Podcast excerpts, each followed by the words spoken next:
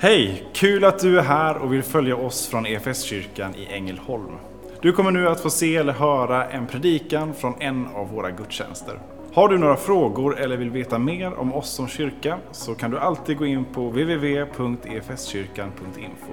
Vill du ha tillgång till mer undervisning eller ta del av våra inspelade konferenser eller gudstjänster gå gärna in på vår Play-kanal, efskyrkan.tv.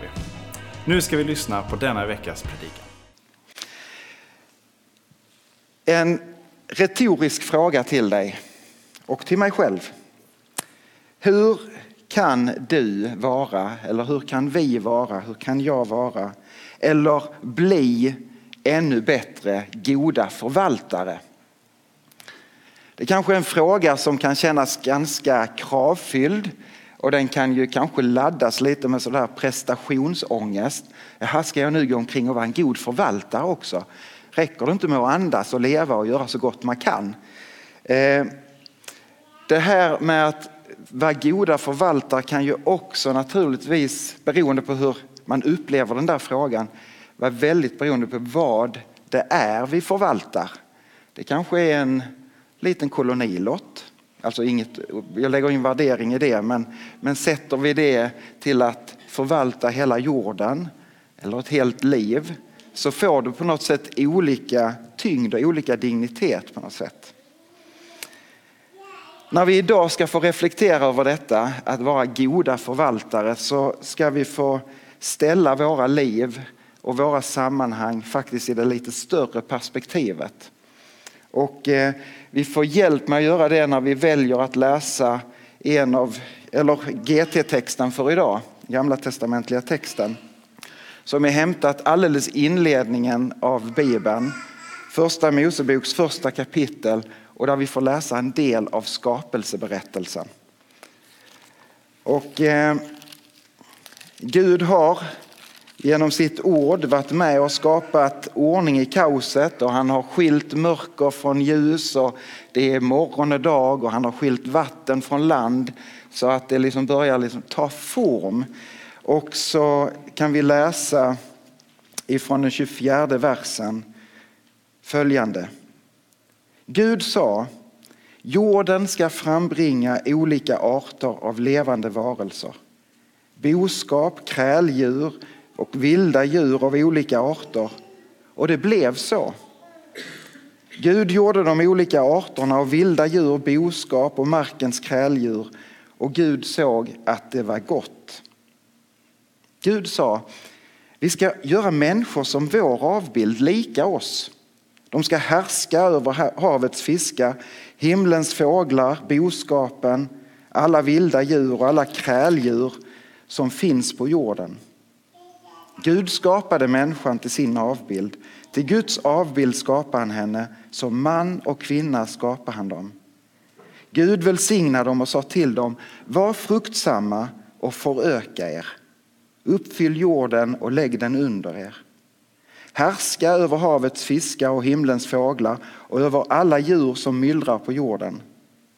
Gud sa, jag ger er alla fröbärande örter på jorden och alla träd med frö i sin frukt.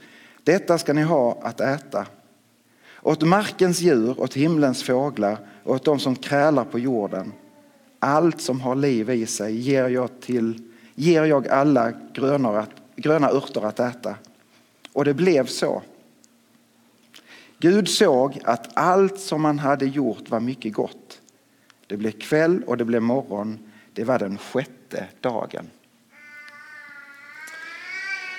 Här får vi återgivet, inte exakt i detalj hur Gud gjorde i sin skapelse.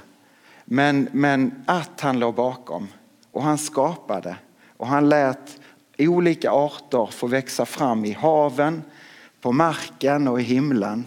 Och de blev skapta utifrån sina egna eh, arter på något sätt. Och så sätter han som krona på verket, skapelsens krona, sådana som du och jag, människan. Skapta inte till sin egen avbild utan till Guds avbild.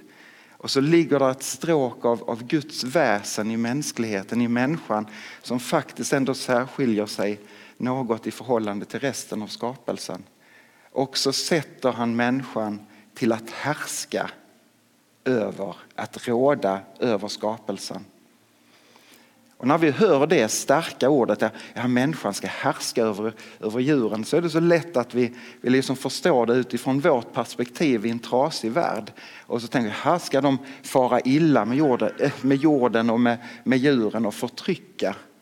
Men detta är givet i paradiset när allting är som det ska vara. Och då är det inte den här hierarkin, är liksom ingen belastning. Människan får av Gud ett heligt uppdrag att förvalta skapelsen. Men så kommer syndafallet och ställer till det. Och vi läser ju ganska snart i första Mosebok kapitel 3 om detta. Och allting krackelerar på något sätt när människan, kronan på verket, väljer att stå på egna ben. Lämna Gud och säga vi behöver inte dig, vi klarar oss själva. Man blir ju lurad bort ifrån Gud av den onde men, men ändå så är det ett aktivt val.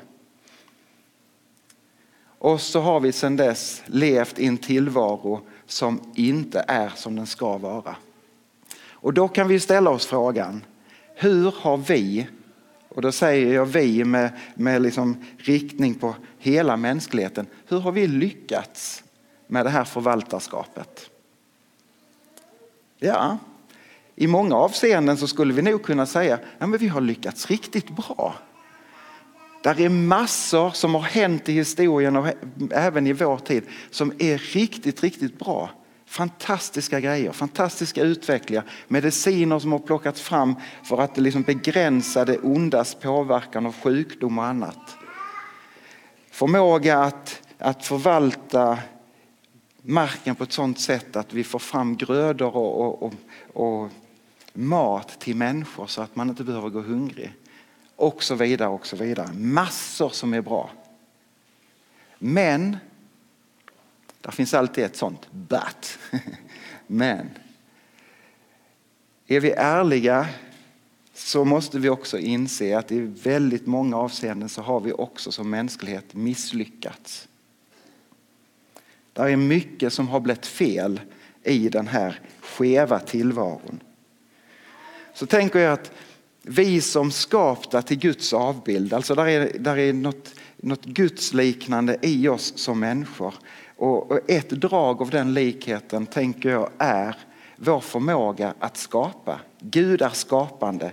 Gud han kan se liksom långt fram och han kan ha visioner och tänka och ta viljebeslut. Liksom inte driven av plötsliga impulser utan med en riktning. Den förmågan äger också vi som människor. Vi är på något sätt medskapare i Guds skapelse. Det är en kreativitet i oss som, som också kan liksom frambringa otrolig skönhet, otrolig precision i det vi, vi är med och skapar. Men den egenskapen tillsammans med syndafallets konsekvenser är inte alltid den bästa kombinationen, skulle jag säga. För någonstans så börjar vi snart se i mänsklighetens historia att vi vill bygga mer, vi vill bygga större, vi vill bygga högre. Någon kanske kommer att tänka på berättelsen om Babels torn.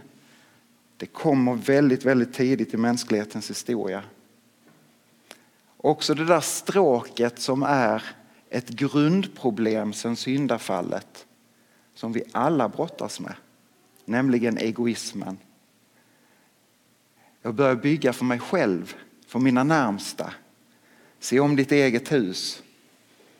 Och så kan vi också se genom hela historien, också fram i våra dagar, hur man faktiskt många gånger är beredd på att trampa på andra för egen vinnings skull. Och frågan är, har vi lyckats att vara goda förvaltare? Det som var tänkt att fungera i fullständig harmoni, det hamnade i obalans i och med syndafallet. Och som sagt, det har varit problem från början. Eh, vi kan se hur, hur liksom konflikterna och den här avundsjukan liksom som bottnar i den här egoismen, den, den liksom kommer ganska snart. Redan Kain och Abel liksom börjar träta och den ena har ihjäl den andra. Och så ser vi hur det följer genom vår historia, mänsklighetens historia, hur konflikter, krig och död följer med, tyvärr. Och det är som att kärleken kallnar något i och med syndafallet. Människor kommer också väldigt, väldigt tidigt, vi kan läsa det i Bibeln, vi kan läsa det på, på, andra sätt genom historieläsningen, så kommer man att drabbas av stora katastrofer, hungersnöder, sjukdomar som drabbar på stort område över tid.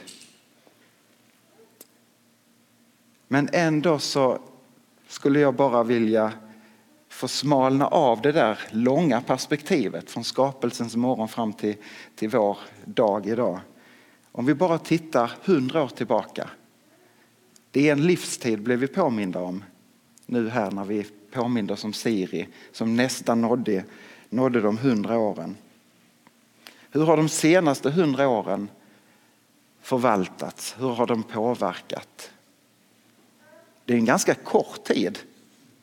Det är en väldigt, väldigt kort tid. Vi kan tycka hundra år sedan, men det är otroligt kort tid i förhållande till hela historien.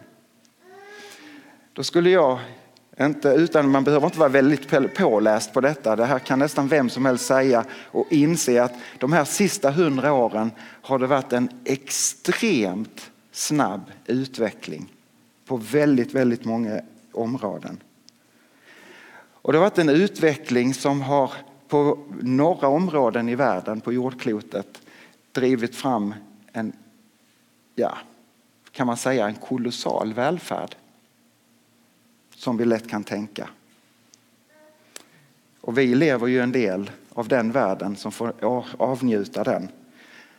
Men kan det vara så, jag tror det, att det har varit på bekostnad av andra på många, många olika sätt.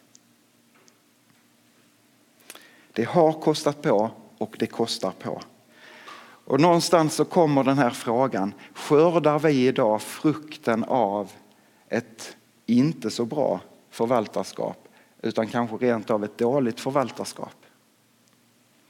Jag kunde inte låta bli att plocka med eh, en tidning här. Fredagens tidning, Lokalblaskan. Eh, men det är en TT-artikel så den kanske har stått på fler ställen.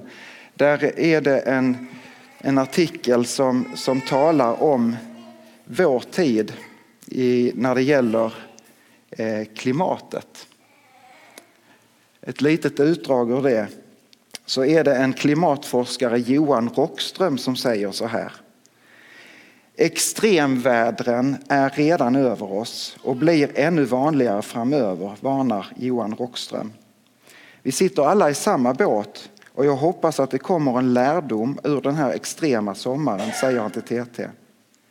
Skyfall och översvämningar, vällande stora som syndafloder i Kina och Europa, en allt mäktigare monsun i Indien, förödande bränder i USA och ökenvärme på uppemot 50 grader i Kanada. Kyla på några, många minusgrader i bergen i tropiska delstaten Rio de Janeiro i Brasilien.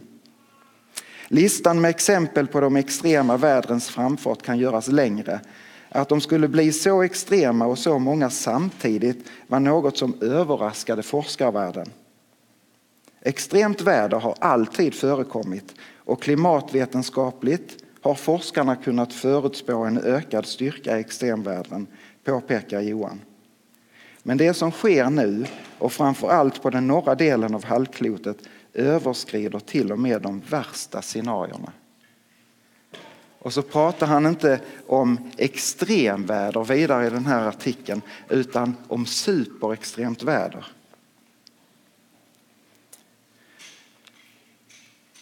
Det är med all sannolikhet en, en frukt av ett förvaltarskap många, många år tillbaka i tiden som ger sig till känna.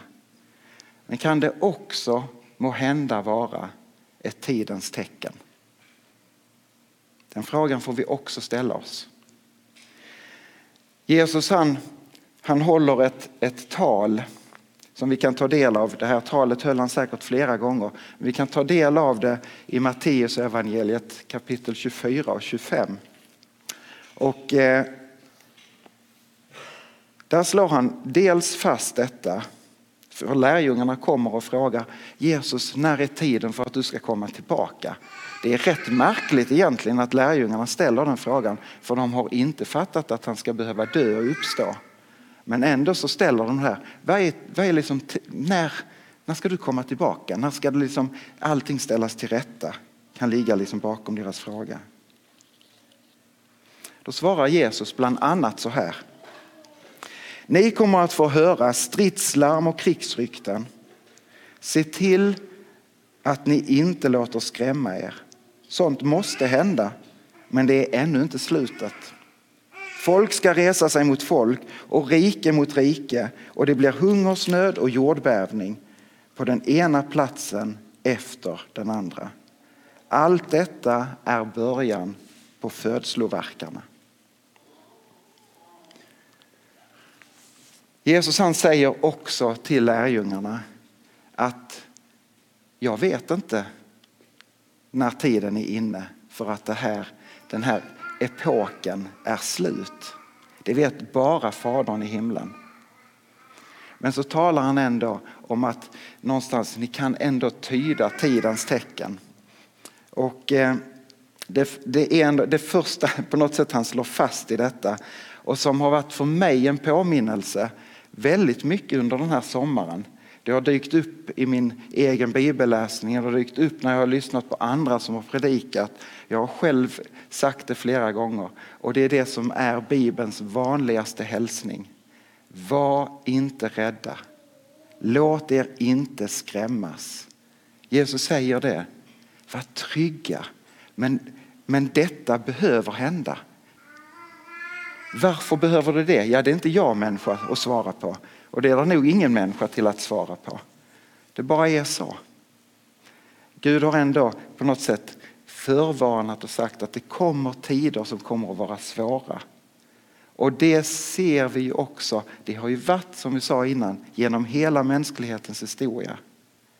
Men så säger Jesus att det är början på födsloverkarna.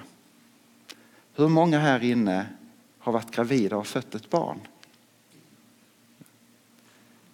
Ni vet, nu, pratar, nu är jag ute på halis kanske, men jag, jag har läst mig till, jag har anat det, jag har sett det och ni kan nog intyga det.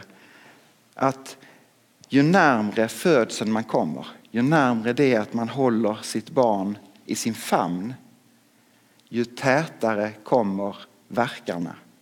Och ju mer intensiva blir de, ju närmre ankomsten, om man får lov att använda det ordet. Stämmer den bilden? För jag tror det är den Jesus anspelar på. Ju närmre jag kommer, eller vi kommer vår, min ankomst, där allting ska ställas till rätta, så kommer verkarna tätare och mer intensivt. Han säger också i det här talet att den här tiden kommer att förkortas för er skull. För att ni ska kunna ta er igenom den. Men se till, var inte rädda, låt er inte skrämmas.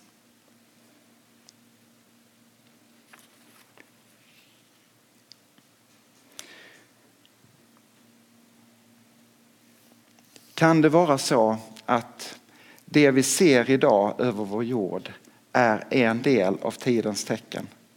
Vi vet inte hur lång tid det är kvar till Jesus kommer tillbaka. De första lärjungarna trodde att det var inom deras livstid och så vidare har det följt genom, genom kyrkans historia att oh, det kan inte vara långt borta. För man har upplevt svårigheter. Jag vill inte säga att det är långt eller kort kvar. Jag vet bara detta att vi är 2000 år närmre nu än när Jesus talar om detta. Och någonstans får vi också vara uppmärksamma på vad som händer i världen. Och det är som att på något sätt kanske världen liksom reagerar och, och någonstans nästan har en ångest över situationen. Paulus han skriver också så här I Romarbrevet 8 ifrån vers 22 och framåt. Vi vet att hela skapelsen ännu ropar som i födslovåndor.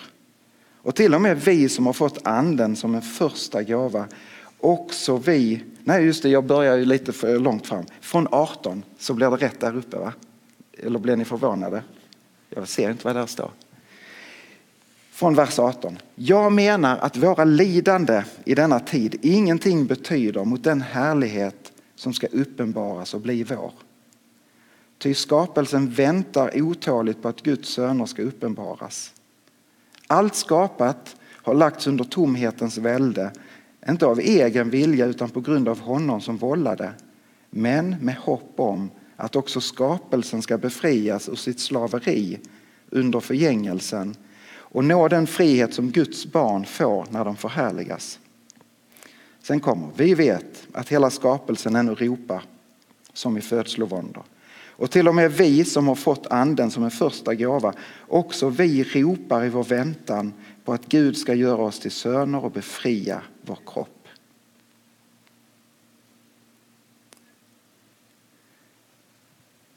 Men så lever vi här, mitt i detta. I den här tiden, i väntan på att allt ska få komma tillbaka i den harmoni som Gud skapade till från början. I väntan på att, på att vi ska få möta honom ansikte mot ansikte. En generation på det här jordklotet kommer att få uppleva Jesu återkomst och inte avsluta jordelivet med, med den död som vi kallar naturlig.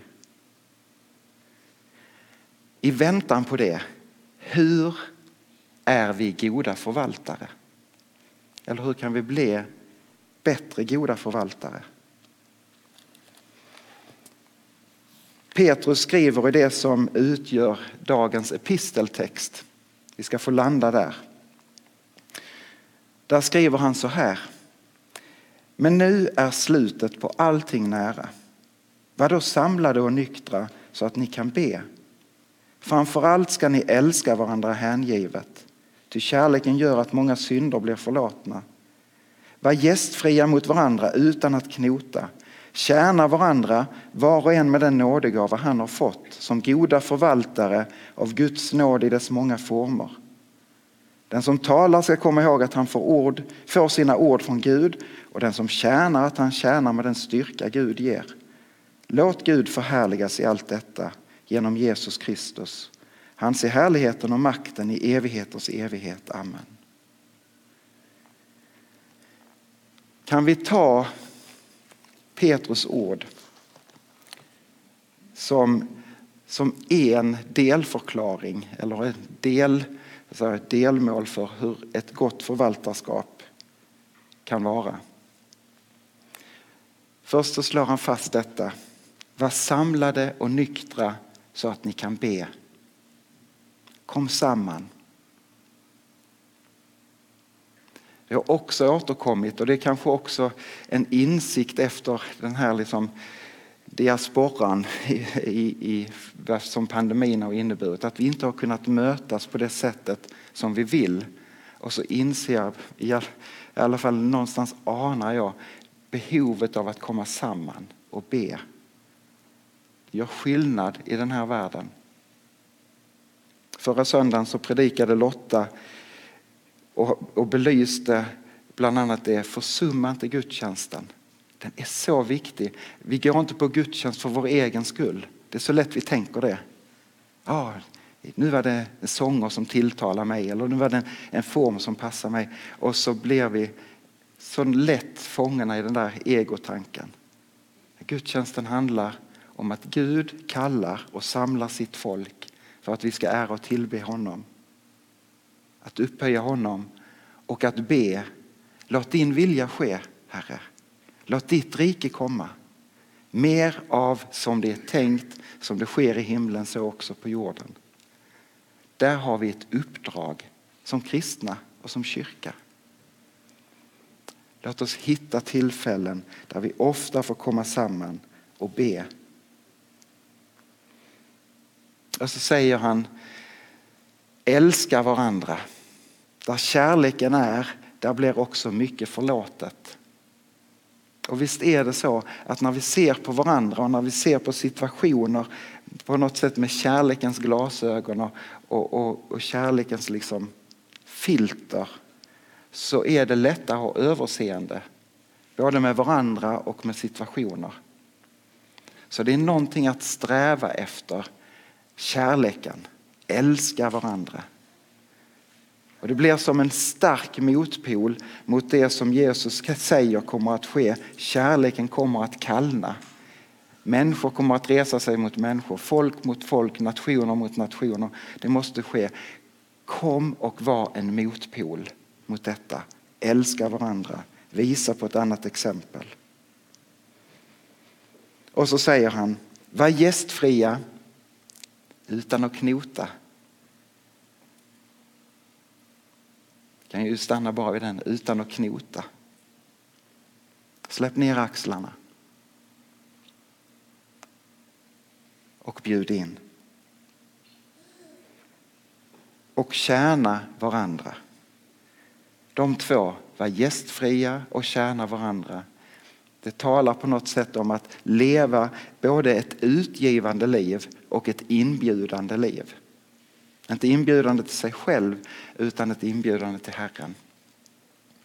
Och det kan få sig liksom uttryck i gästfriheten och att tjäna varandra. När vi satt och bad här innan så, så bara slog det mig och det det är väl kanske jag som är trög och kommer på det sent men